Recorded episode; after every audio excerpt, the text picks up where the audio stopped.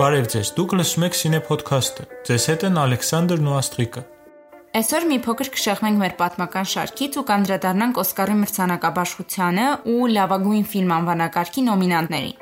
Երևի միանգամից պետք է ընդունել, որ այս տարվա ֆիլմերի ընտրանին բավականին զիջում է ի համեմատ նախորդ տարվան։ Դե հասկանալի է, որ 2020-ին ավելի քիչ ֆիլմեր են նկարահանվել, բայց գլխավոր պահը ստեղ զանազանության պակասն է երևի։ Նախորդ Օսկարին շատ տարբեր իրարից տարբերվող ֆիլմեր կային։ Կար կոմիքսի հիման վրա նկարած Ջոկերը, կար կորեական հեղինակային art mainstream պարազիտները, Ջոջո Ռեբիթի նման սյուրռեալիստական կոմեդիա կար կամ 1900 17-ի պես մի կադրով նկարած պատմական էքշն։ Իսկ այս տարի նոմինանտները հիմնականում դասական ձևով նկարված դրամատիկ հիմքով ֆիլմեր են, շատ հազվադեպ շեղումներով։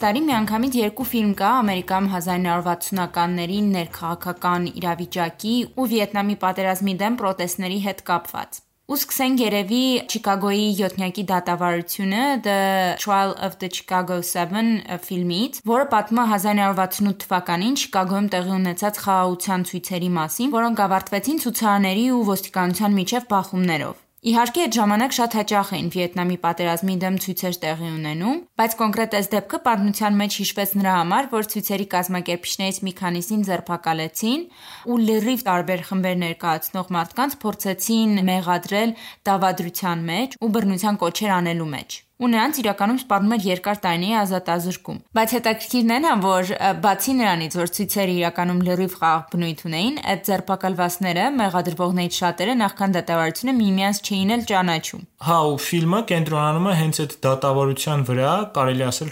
շարունակելով ամերիկյան դատական կինոյի ավանդույթը։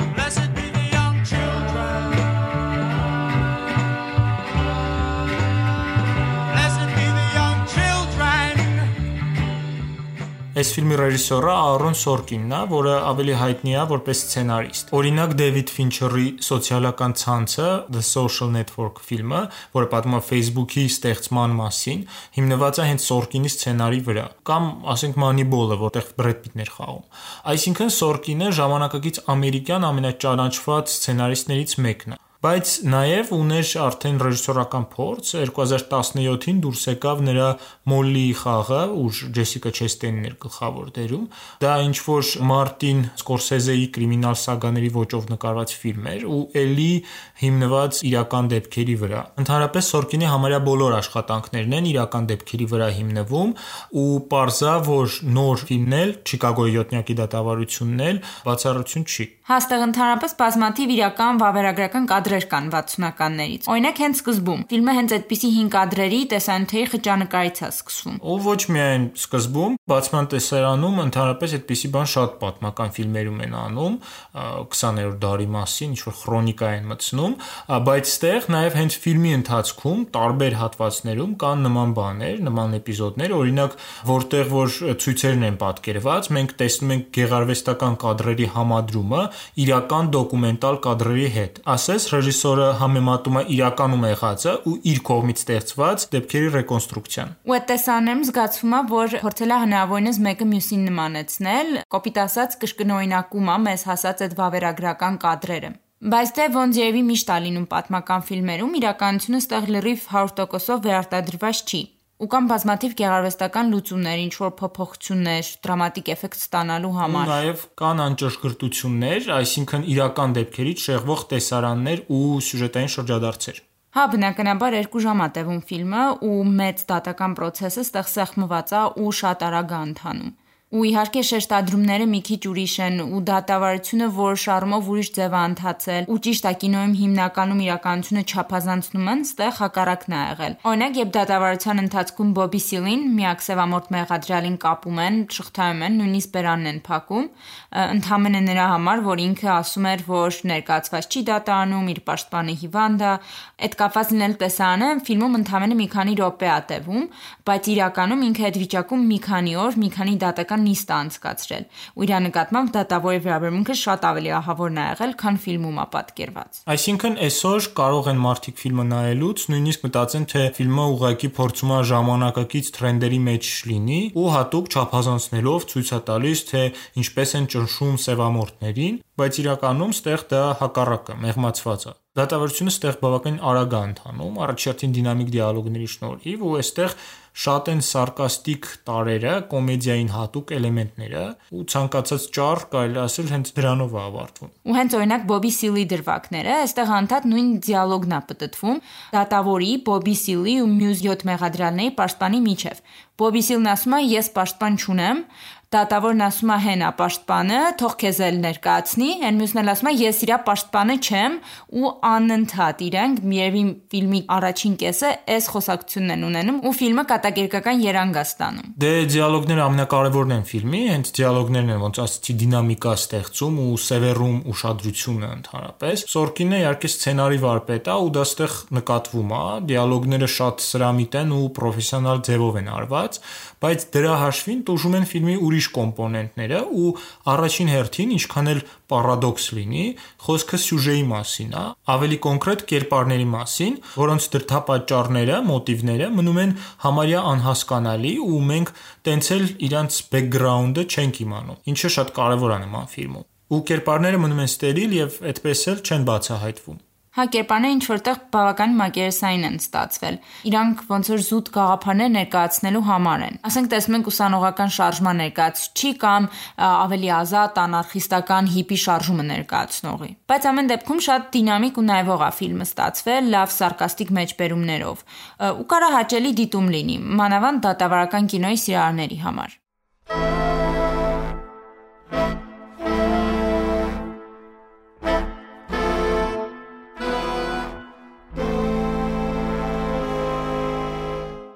Մյուս ֆիլմը ռեժիսոր Շակա Կինգի Հուդան եւ Սև Մեսիան Judas and Black Messiah ֆիլմը 1960-ականներին ԱՄՆ-ում գործող Սև Հովազը Black Panther խմբավորման մասին է, որի անդամները ցախ ռադիկալներ էին ու որոշ առումով զինված պայքար էին մղում սևամորթների իրավունքների համար։ Նրանք սոցիալիստներ էին ու իհարկե դեմ էին Վիետնամի պատերազմին։ Հետաքրքիր է, որ այս երկու ֆիլմերում զուգահեռներ կան։ Բացի նրանից, որ գործողությունները մոտավորապես նույն ժամանակահատվածում են կատարվում, նաև երբեմն սյուժեները հատվում են նույնիսկ։ Մեկ էլ երկուսն էլ վավերագրական քրոնիկայով են սկսում։ Հա, դա էլ կա իհարկե, իսկ սյուժեի մասով 7-նյակում երկրորդ պլանի կերպարներից մեկը Ֆրեդ Հեմփտոնն է, որը այս ֆիլմի գլխավոր երկու հերոսներից մեկն է։ Նա սև հովազների ղեկավարներից է եղել։ Իսկ մյուս գլխավոր հերոսը մի սև երիտասարդ է, որը մեքենայի գողության համար բռնվելուց հետո ընդունում է FBI-ի դաշնային հետաքննությունների բյուրոյի առաջարկը ու բանդից խուսափելու համար ստիպված դառնում է նրանց ինֆորմատը։ Ինքը մտնում է սև հովազների խումբ ու սկսում է ինֆորմացիա հաղորդել կառավարությանը նրանց գործունեության մասին։ Ընդհանրապես պետք է հասկանալ, որ սև հովազները լուրջ ուժ էին 60-ականներին։ Դա զինված խմբավորումների ցանց էր, որը գործում էր Ամերիկայի տարբեր հատվածներում, ու իշխանությունները իրոք վախենում էին նրանցից։ Ստեղ ֆիլմի սկզբում FBI-ի տնօրեն Հուվերը ասում է նույնիսկ, որ իրանց գլխավոր թշնամին ոչ թե ռուսներն են, կոմունիստները, այլ հենց Black Panther-ները։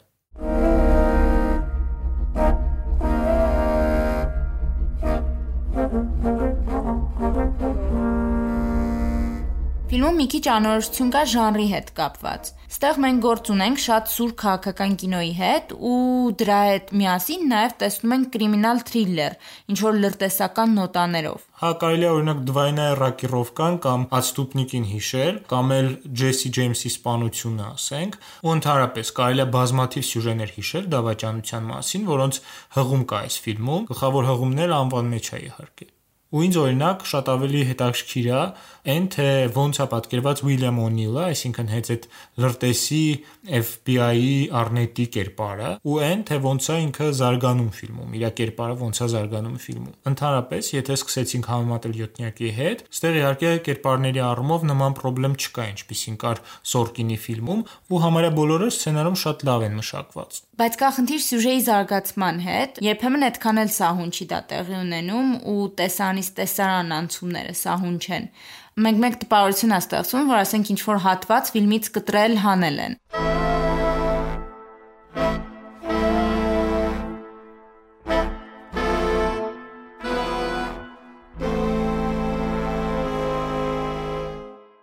Կերպարների առումով մի բան էլ է պետք նշել, որ իրական Օնիլը այդ ժամանակ ընդամենը 17 տարեկան է եղել, իսկ Լակիդ Ուիլյամսը, որը իր դերն է խաղում, երևի 10-ից 12 տարի մեծ է այդ կերպարից։ Ու այդ պատճառով փորձառու գանգստերի տեղ կարելի է իրան դնել բայց իրականում ինքը այդ ժամանակ կարելի ասել երեխա է եղել։ Ճիշտ է արդեն դժվար կյանք տեսած ու սխալներ նաև արած, նու դա կարելի է աղքատ գետով մեծացած շատ-շատերի մասին ասել։ Բայց այս պատմության մեջ նրա որոշ արարքներ հենց տարիքով կարելի է բացատրել։ Ու այն որ ֆիլմում դերասանը մոտ 10 տարով մեծ է, մի փոքր խնդիր է առաջացնում կերպարի ընկալման հարցում։ Ընդհանրապես բոլոր դերասաններն որ ստեղ մի 10 տարի իրաց կերպարներից մեծ են, չնայած բոլորն էլ լավ են խաղում շատ։ Դենիել Կալոյան, որը նոմինացված է Օսկարի, օրինակ շատ խարիզմատիկ կոնտրաստային դեր է ստեղ խաղում, նա համ ուժեղ սփիչեր է անում, ուժեղ ճառեր է արտասանում, համ էլ մինորային ավելի հանգիստ տեսարաններում ու զուտ գոյություն ունի, էլի շատ լավն է։ Իմ կարծիքով այդ սփիչերի տեսարանները ամենալավն են ֆիլմում։ I need everybody to repeat after me. I am a revolutionary. I am a revolutionary. I am a revolutionary. They can't never stop the party unless they stop the people. Մի խոսքով, այս առաջի երկու ֆիլմերը արժի իրար հետ նայել, գտնել ընդհանրություններ ու զուգահեռներ, ու նաև ինչ որ նոր բան իմանալ Ամերիկայի պատմության շրջադարձային էտապներից մեկի մասին։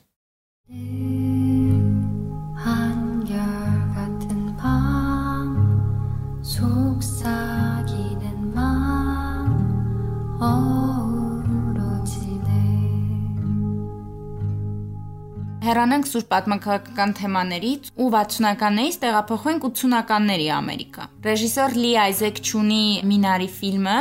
հարավային Կորեայից գաղթած ընտանիքի մասին է, որը Արկանզասում փորձում է ֆերմա հիմնել ու բանջարեղենների վաճառքով գումար աշխատել։ Ֆիլմը ինքնակենսագրական է, Լի Այզեք Չունի ծնողները հենց գաղթել են Հարավային Կորեայից, ու ռեժիսորը այստեղ իր մանկությունն է պատկերել ու արտացոլել է իրականում տեղի ունեցած բազմաթիվ իրադարձություններ, ամեն ինչի հիմքում այստեղ կարելի ասել հիշողություններն են ու նույնիսկ ֆիլմի անունը Մինարի կորեական բույսի անվանում է, որը իր տատիկը ցանում է իրենց այդ ֆերմայի տան կողքը գտնվող գետի ափին։ Ու իհարկե արդյունքում շատ նոստալգիկ ֆիլմ է ստացվել, բավականին սենտիմենտալ ու կարելի ասել հանդիսատեսի աչքը շոյող պատկերով։ Ստեղ հենց պատկերի հետ կապված մի հետաքրքիր բան կա։ Ընդհանրապես այն ինչ տեսնում ես ֆիլմում, նաև կարա որոշակի դիսոնանս առաջացնել, որտեվ այն պատկերը, որը ստեղ կա, խորհրդանշում է Ամերիկայի ոգին։ Մենք տեսնում ենք ֆրոնտիրը, այդ անցարեցիչ դաշտերը, լրիվ ամերիկյան լանդշաֆտները, ու այդ անտուրաժում, այդ ամենի ֆոնին հետևում ենք լրիվ ուրիշ մշակույթ ներկայացնող ընտանիքի կյանքին։ Օրինակ, համարյա ամբողջ ֆիլմը կորեերեն են խոսում ու այդ բախումը կամ միավորումը երկու մշակույթների շատ հետաքրքիր էֆեկտ ունի։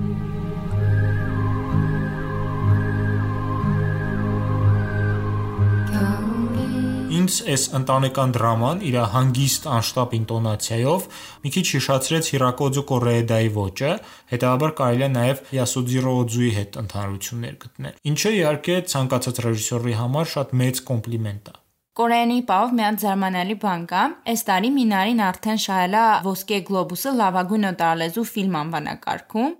Ու դա առաջին դեպքն է պատմության մեջ, երբ այդ անվանակարգում հաղթում է ամերիկյան ֆիլմը, որի գործողությունները Ամերիկայում են կատարվում։ Ճիշտ է, Clint Eastwood-ի Iwo Jima-ից նամակները արդեն շահել էին նույն մրցանակը, բայց այնտեղ գոնե կոպրոդուկցիա էր ու իրադարձությունները Ճապոնիայում էին տեղի ունենում։ Երևի երբ նորեն ես անվանակարգ ոչ ոք չէր կարող պատկերացնել, որ կարա նման բան լինի։ Ու օտարալեզու ասելով բոլորի նկատի ունեին առաջին հերթին ոչ ամերիկյան։ Հետաքրքիր է ստացվում, կորեական ֆիլմը հաղթում է գլխավոր Օսկարը, անցյալ տարի Պարազիտները, իսկ ամերիկյան ֆիլմը Ոսկե գլոբուսը որպես օտարալեզու ֆիլմ։ Ինձ թվում է, սենց բաներ ապագայում դեռ շատ կտեսնենք։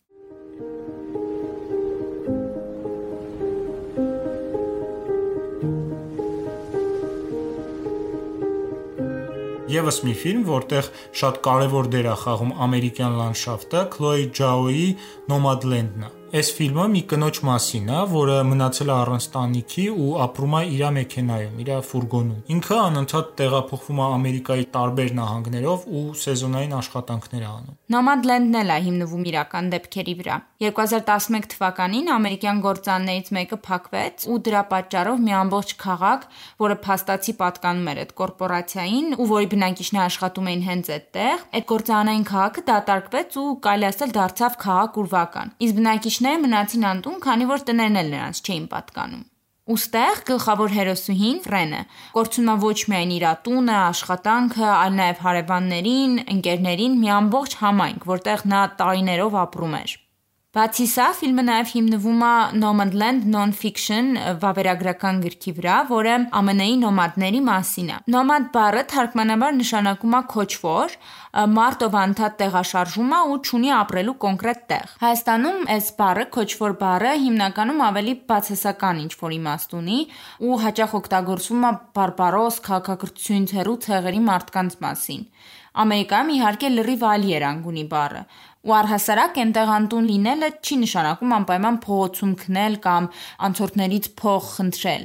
այլ հաճախ նշանակում է մշտական բնակության վայր չունենալ, ինչը բավականին հաճախ հանդիպող երևույթ է Ամերիկայում։ Շատ մարդիկ այնտեղ ապրում են իրենց մեքենաներում, թրեյլերներում, անիվների վրա տներում ու գտնում են մշտական տեղաշարժի մեջ։ Հա, ու հետաքրքիր է, որ թրեյլերներ միանգամից մի քանի նոմինանտ ֆիլմերում ենք տեսնում։ Մինարիում այդ ընտանիքը ապրում է տարբեր թրեյլերներից կազմված տանը,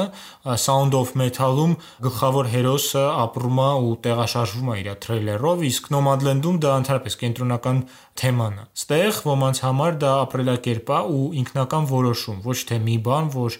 նրանք ստիպված են անում։ Ու հենց այդպիսի կերպար է Ֆրենը, չնայած ծանր իրավիճակի, որում ինքը հայտնվել է, նա այստեղ ստանում է հնարավորություն ինչ որ կոնկրետ վայրում մնալու ու տան մեջ ապրելու, բայց նախընտրում է կյանքը ճանապարհին։ Ու այդ ճանապարհին ինքը գտնում է նոր համայնք իր համար, իր նման նոմադներից կազմված, որոնք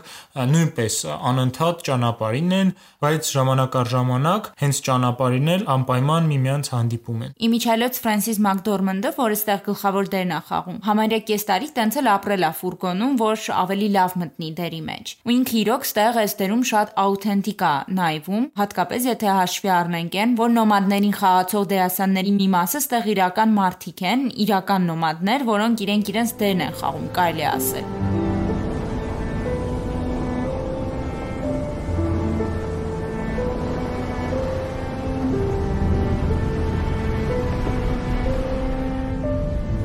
Nomadland-ը սկզբում ավելի շատ հիշեցնում է ինչ-որ սոցիալական կինո, ավելի ռեալիստական ոճով նկարված, բայց ընթացքում, երբ մոտ 1/3-ն է ֆիլմի անցնում երևի, տոնայնությունը սկսում է փոխվել ու ամեն ինչ շատ ավելի պոետիկ ձևով է սկսում մատուցվել։ Թե պատմությունն է ինչ որ ավելի ռոմանտիկ երանգներ ստանում, թե պատկերը։ Անընդհատ օրինակ լուսաբացի ու մայրամուտի ինչ որ տեսարաններ են իրար հաջորդում, ոնց որ այդ հերոսուհին տենց աշխարհում ապրի ու մենակ լուսաբաց ու մայրամուտ է այնտեղ լինում։ Ու նաև բավականին սենտիմենտալ երաժշտություն է սկսում հնչել ֆոնին հաճախ, որը երբեմն ավելորդ է ստեղծվում իմ կարծիքով։ Վենետիկում ֆիլմին դա ճիշտ է չխանգարեց գլխավոր մրցանակը վերցնել ու Օսկարի ֆավորիտն էլ է Ջաոյի ֆիլմը հենց։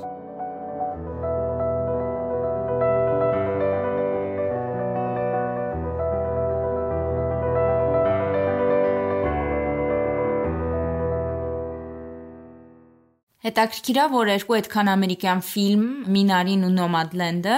մեկը ներգաղթի նոր տեղում հարմարվելու, հաստատվելու մասին, մյուսն էլ անդադ շարժման ու ճանապարհի մասին, նկարել են ասիացի էմիգրանտական ընտանիքներից ռեժիսորներ։ Ու իմիջիալոց առաջին անգամ է Օսկարի պատմության մեջ, որ միանգամից երկու ասիացի ռեժիսորներ են նոմինացված։ Իսկ Ջան առհասարակ առաջին ասիացի կինն է լավագույն ռեժիսոր անվանակարգում նոմինանտ։ What?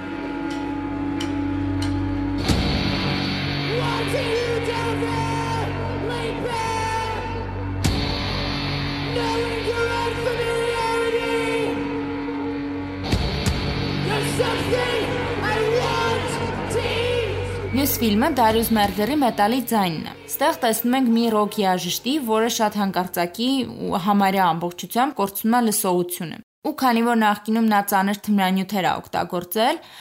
վախենալով որ նորից կսկսի օգտագործել, ինքը գտնում է մի կենտրոն, որտեղ իրանման կախվածություն ունեցող մարդիկ են, որոնք նաև լսողության հետ խնդիրներ ունեն։ Այդ կենտրոնը գտնում է բավականին իզոլացված վայրում, անտառի մեջ ու այնտեղ ապրող մարդիկ այդ համայնքը կարելի ասել կտրված են արտաքին աշխարհից։ Ու այստեղ գլխավոր հերոսը, որը սկզբում իհարկե լիազայրույթով, ջղայնությամբ, կամած-կամած սկսում է սովորել իր խլության հետ ապրել։ Նման սյուժեի հետ գործ ունենալիս մեծ է հավանականությունը ինչ որ գեր պաթոսի մեջ ընկնելու, բայց ստեղ բավականին բալանսավորված է ամեն ինչ ու չափի մեջ է։ Ծայրահեղություններ չկան ու կերպարներն էլ թե գլխավոր հերոսը, թե մնացած բոլորը ռեալիստական են։ Հա, ստեղ էլ Nomadland-ի նման դերասանական կազմի մեջ շատ են ոչ պրոֆեսիոնալները, իրական մարդիկ խուլերի համայնքից։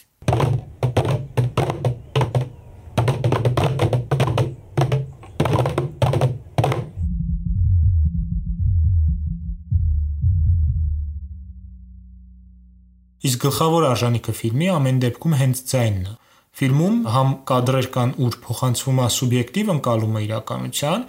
մենք լսում ենք այնպես, ինչպես լսում է գլխավոր հերոսը, երբ համարյա չես տարբերի մարդկանց խոսքը կամ շրջապատի ձայները։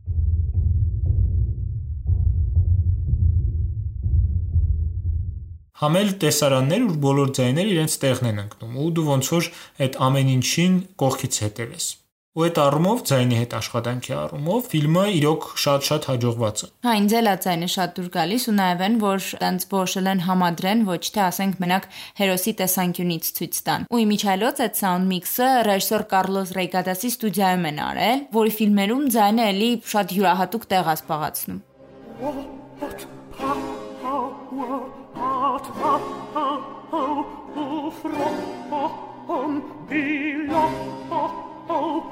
used to be.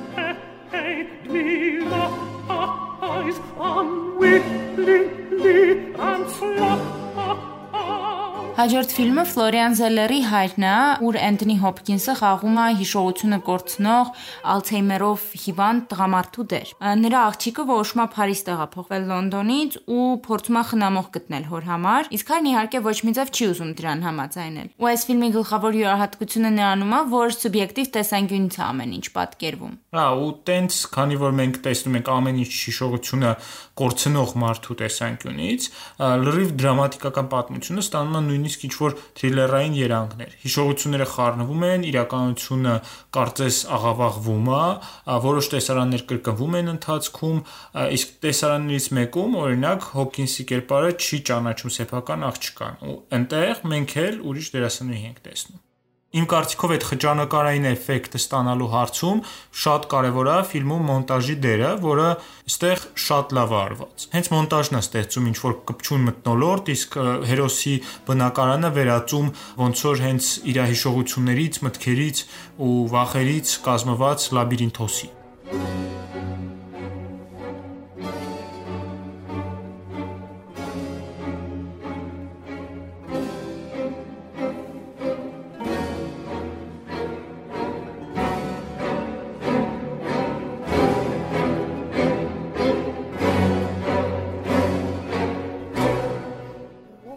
հիմնված է հենց ռեժիսորի Ֆլորիան Զելլերի պիեսի վրա։ Զելլերը շատ ճանաչված դրամատուրգ է, ու այս ֆիլմն իրականում իր դեբյուտային աշխատանքն է։ Ու ոնց հաճախ է լինում թատերական հիմքով կամերային հերմետիկ ֆիլմերում, շատ մեծ նշանակություն ունի ստեղ հենց դերասանական խաղը։ Ու մեծ էկրանի համար ադապտացիայի սցենարը գրելիս Զելլերը գլխավոր դերում հենց միայն Էնթոնի Հոփքինսին էր պատկերացնում ու նույնիսկ ասել էր, որ եթե Հոփքինսը հրաժարվեր, կարողա ֆիլմը ընդհանրապես չլիներ։ Դրա համար էլ կերպարի անունն էլ է Անթոնի, իսկ երբ տեսանայից մեկում նշվում է հերոսի ծննդյան թիվն ու տարին, պարզվում է, որ դա էլ է համընկնում Հոփկինսի իրական ծննդյան օրվա ու տարիքի հետ։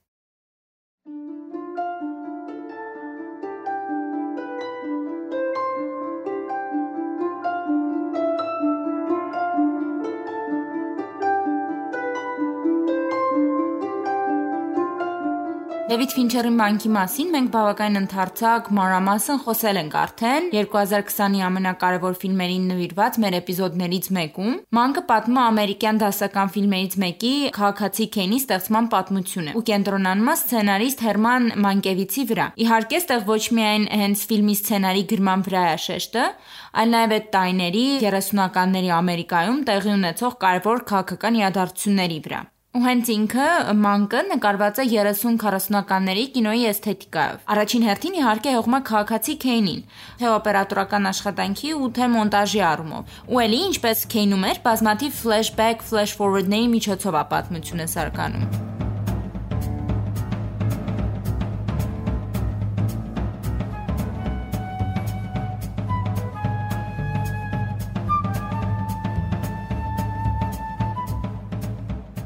Եվս մի բան, որ կարևոր է, դա յուրահատուկ երաժշտությունն է, որը շատ աութենտիկ հնչողություն ու մթնոլորտ է հաղորդում ֆիլմին։ Երաժշտությունը գրել են Trent Reznor-ը ու Atticus Ross-ը, իրենց տանդեմը, ու նրանք այս տարի միանգամից երկու նոմինացիա ունեն լավագույն սաունդթրեքի անվանակարգում The Monkey համար ու նաև Hockey Soul անիմացիոն ֆիլմի համար։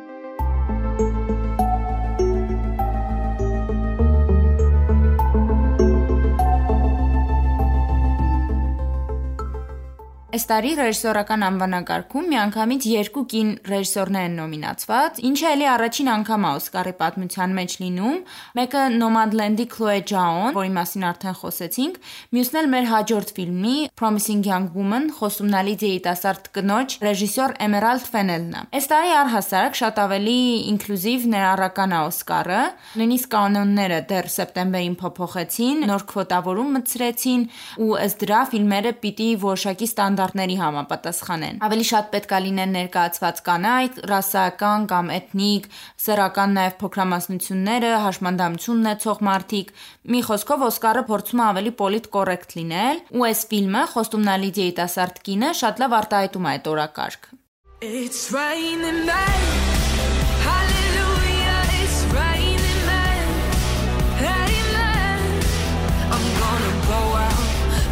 men let myself get absolutely so.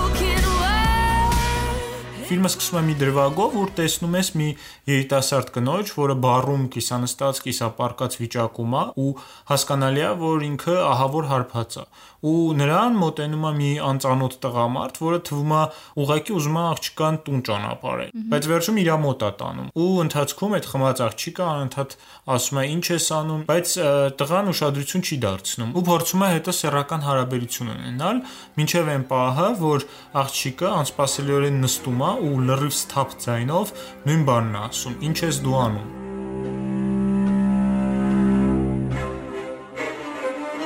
Ոստեղ ինչ որ հորորային էֆեկտ կա, նույնիսկ, քանի որ այդ պահին հասկանում ես, որ աղջիկը ընդամենը ձևացնում էր։ Հետո ֆիլմի ընթացքում ողջվում է, որ տարիներ առաջ իր անկերուհին ինքնասպանության է դիմել բռնաբարության պատճառով, իսկ մեղավորները մնացել են անպատիժ։ Ու հիմա մեր հերոսուհին ժամանակ առ ժամանակ բարում խմած է ձևանում ու պատժում է տղամարդկանց։ Ընդհանրապես տենց ենթաժանր կա հորորի կամ թրիլերի rape and revenge բռնաբարություն ու վրեժ։ Օրինակ Յապլյուն Ավաշի Մագիլի ֆիլմը։ Բայց ստեղ այս ժանրի հետ մի քիչ խաղում են, որպես այդպեսին ոչ բռնաբարություն կա, ոչ վրեժխնդրություն։ Ավելի շուտ կանխարգելում ու հետագա բարոյախրատական աշխատանք։ Այդ աղջիկը ոչ սպանում է, ոչ խեղում է այդ տղամարդկանց, միայն վախեցնում է ու սպառնում։ Համենայն դեպս մենք մենակ դա ենք տեսնում։ Ընդհանրապես տեղելի տարբեր ժանրերից բաներ կարանք նկատել, ընդհանուր մինչև ռոմանտիկ կոմեդիա, իսկ հերոսուհին իր մեջ համատեղում է միանգամից մի քանի արքետիպային կերպարներ։ Ամերիկյան ֆիլմերում բավական տարածված, ասենք Girl Next Door-ը կամ Manic Pixie Dream Girl-ը կամ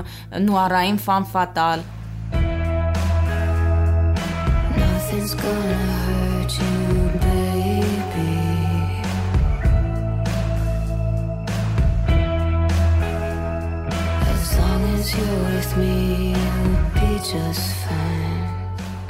Իմիջայլոց Էմերալդ Ֆինելը ռեժիսորը ասում էր, որ ամենասկզբում հենց այդ մեր նշած տեսանն է պատկերացրել ֆիլմի բացման, ու հետո նոր դրա շուրջ մնացած սյուժեն է կառուցվել։ Հա, այստեղ ընդհանրապես կա մի քանի շատ վառ ու հիշվող տեսարան, բայց այդ դրանց համադրումը իմ կարծիքով այդքան էլ չի ստացվել, ու ֆիլմը կոտրվում է այդպիսի դրվագների։ Ոնց որ մի քանի մինի ֆիլմ կամ կլիպ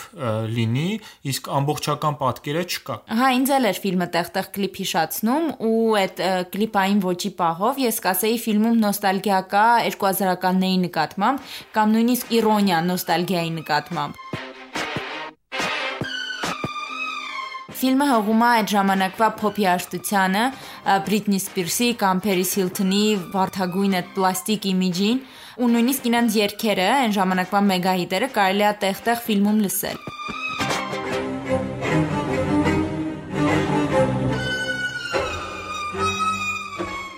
Ոնց սկզբում նշեցինք, այս տարվա նոմինանտներում չկա տենց հատուկ ձևով առանձնացող ֆիլմ, բոլորն էլ քիչ թե շատ հավասար են իրանց պլյուսներով ու մինուսներով։ Ու օրինակ ինձ համար ոչ մի յուրատուկ բացահայտում չեղավ։ Չնայած հատկապես այս փոփոխությունների ֆոնին կարար օրինակ ներառվեր նաև Քելի Ռայքարդի Առաջին կովը ֆիլմը, 2020-ի լավագույն ֆիլմերից մեկը, եթե ոչ լավագույնը, բայց դե ամեն դեպքում ակադեմիան մնում է ակադեմիա ու շատ քիչ հավանականություն կա, որ Ռայքարդի նման անկախ հեղինակների ֆիլմերը մասնակցեն։